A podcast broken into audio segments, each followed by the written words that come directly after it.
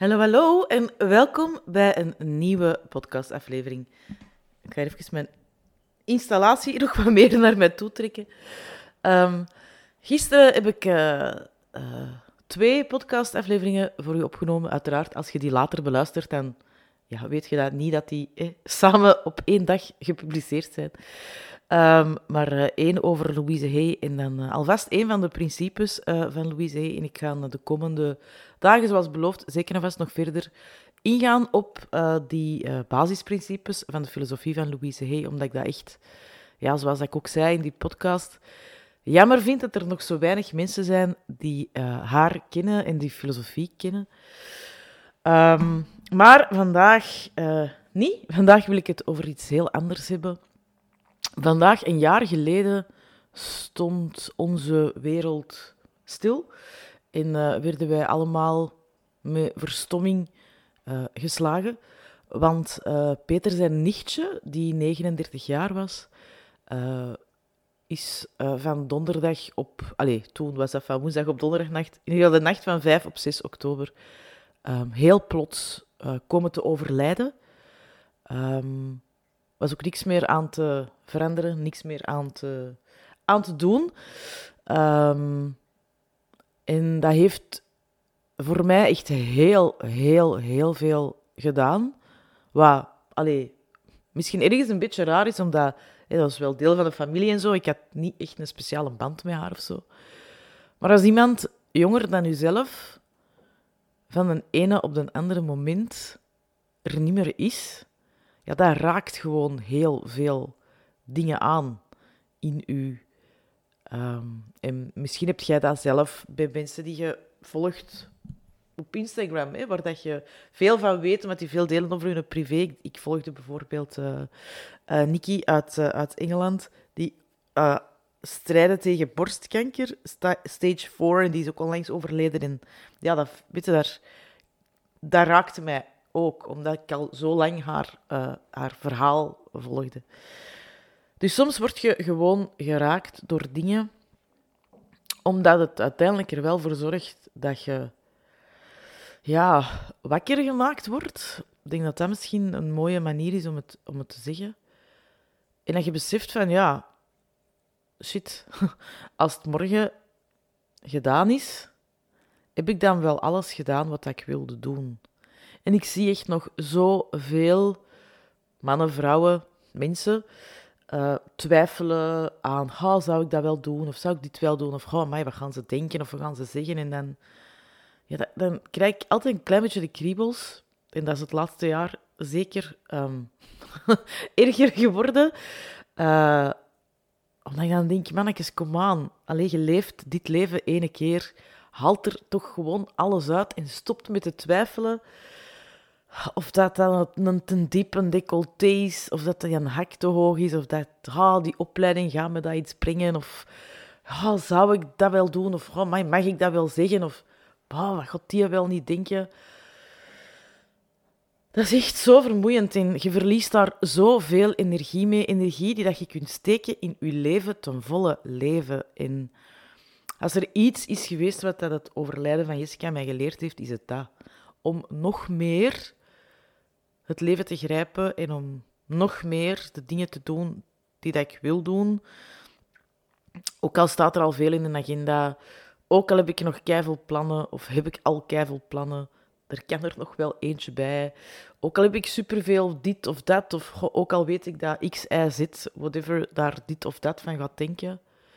Um, ja, doe gewoon je eigen ding. En laat u niet tegenhouden door de meningen van anderen, de verwachtingen van anderen, de verwachtingen van de maatschappij. En ik weet, ik ben er het afgelopen jaar in de weinige podcasts die ik gemaakt heb, een aantal keer op teruggekomen. Maar dat is echt gewoon omdat mij dat zo geraakt heeft vorig jaar, dat, dat ik die boodschap ook echt wel wil blijven meenemen. En voor mij is dat ook echt heel hard verbonden aan uh, dat houden van jezelf. Als je jezelf echt graag ziet, als je alles van jezelf aanvaardt, dan trekt u dat ook niet meer aan wat de andere mensen over u zeggen, wat de andere mensen over u denken, of dat dat wel beleefd is. eh, of dat jij wel beleefd bent, of dat jij wel braaf genoeg bent, of dat je er wel bij hoort, of dat jij dat... Je gaat dat... Dat is echt... De energie die je daar nu insteekt, als je die zou steken in leren jezelf terug graag te zien, want je hebt allemaal jezelf ooit echt heel erg graag gezien, en daar ga ik ook wel nog een aparte podcast over opnemen, omdat dat ook heel erg verbonden is met uh, de filosofie van Louise Hay. Um, maar echt, je kunt zoveel meer halen uit je tijd. Je kunt zoveel meer doen wat je energie geeft. Als je stopt met je nutteloos bezig te houden met al dat wat dat je energie kost. En um, laat dit u wakker schudden. Laat dit een shot onder uw gat zijn. Laat dit, uh, ik weet niet, een misschien wel heel confronterende spiegel zijn die ik u voorhoud. Maar het kan echt gedaan zijn, hè? Van de ene op de andere moment. En als je op je sterfbed ligt, ga je spijt hebben van alles wat je niet gedaan hebt. Je gaat geen spijt hebben van die dingen die je geprobeerd hebt en die misschien mislukt zijn. Echt niet. Dan heb je het wel geprobeerd. En dan weet ook of dat het wel of niet bij je gepast heeft. En wie weet, door nieuwe dingen uit te proberen en door misschien jezelf uit te dagen, door keuzes te gaan maken uit liefde voor uzelf, mannetjes, echt, de wereld wordt zoveel schoner. Uw leven wordt zoveel warmer en fijner en liefdevoller en echt waar. Maar jij moet het doen. Jij hebt de keuze. Jij hebt de keuze. Dus um, in The Memory of Jessica wil ik dat echt heel, heel, heel graag nog eens meegeven. Alsjeblieft. Het kan van de ene op de andere dag gedaan zijn. Stopt met twijfelen. Stopt met uitstellen. Stopt met onnozel doen. Stopt met druk te maken in de kleinste dingen. Stop met je energie te laten weglekken. Je moogt echt wel een punt zetten waar dat je bij sommige mensen nu een komma zit. Echt waar. Dat mag. Jij moogt dat. En jij moogt dat. Waarom? Omdat het uw geboorterecht is om uw allerbeste leven te leven. Het is uw geboorterecht om gelukkig te zijn. Het is uw geboorterecht om uzelf graag te zien met alles van u. Want als jij niet het potentieel in u droeg om alles van uzelf graag te zien, ook die kantjes die jij nu lelijk vindt, ja, dan had het niet in u gezeten. Dan had je die eigenschap, dat talent, niet gehad. Echt, geloof mij. Leef uw leven en gaat er vol een bak voor. Maar echt, echt vol een bak. Doe dat voor uzelf. Hoeft dat voor niemand anders te doen. Hoeft dat niet voor mij te doen. Maar je moet dat wel voor je eigen doen. En je weet dat ik een hekel heb aan het woord moeten. Ik ga nog eens aan mijn koffie drinken. Je weet dat ik een hekel heb aan het woord moeten. Maar hier ga ik de moeten toch echt nog wel drie, vier, vijf dubbel onderstrepen.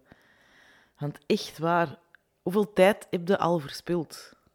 Aan mensen, dingen die er niet toe deden, die eigenlijk niet belangrijk waren. Die een tijd zit kwijt, die energie zit kwijt. En als je dat allemaal steekt in jezelf, in jezelf graag zien, in andere keuzes maken, a lot can happen. A lot can happen. Zo. Dat was de podcast van vandaag. Ik nodig u nog heel graag uit, heel warm uit, om uh, nog in te stappen in mijn zelfliefde Voxer Vortex, waar ik 90 dagen lang met u op pad ga, zodat je toch dat al mee hebt, dat je je 2023 echt heel warm uitgaat um, en dat je je 2024 op een zalige manier kunt beginnen. De deuren sluiten maandag 9 oktober om 12 uur s middags. Ga er van mij stamper onder je gat krijgen tijdens die 90 dagen. Zeker weten. Ga ik u confronteren met dingen die je niet tof vindt? Zeker weten. Ik ga je een spiegel voorhouden, ik ga je schouderklopjes geven, ik ga een shotten onder uw gat geven. Ik ga u in beweging zetten. En dat allemaal met als doel om u uzelf nog liever te laten zien. En of dat je nu begint aan 10% jezelf graag zien, of je begint aan 80% jezelf graag zien. Geloof me vrij, die zelfliefde Voxer Vortex. It's gonna change your life forever. Voor de prijs kun je niet sukkelen, dus doe jezelf dat gewoon cadeau. Je leeft maar één keer en het is aan u om de juiste keuzes te maken.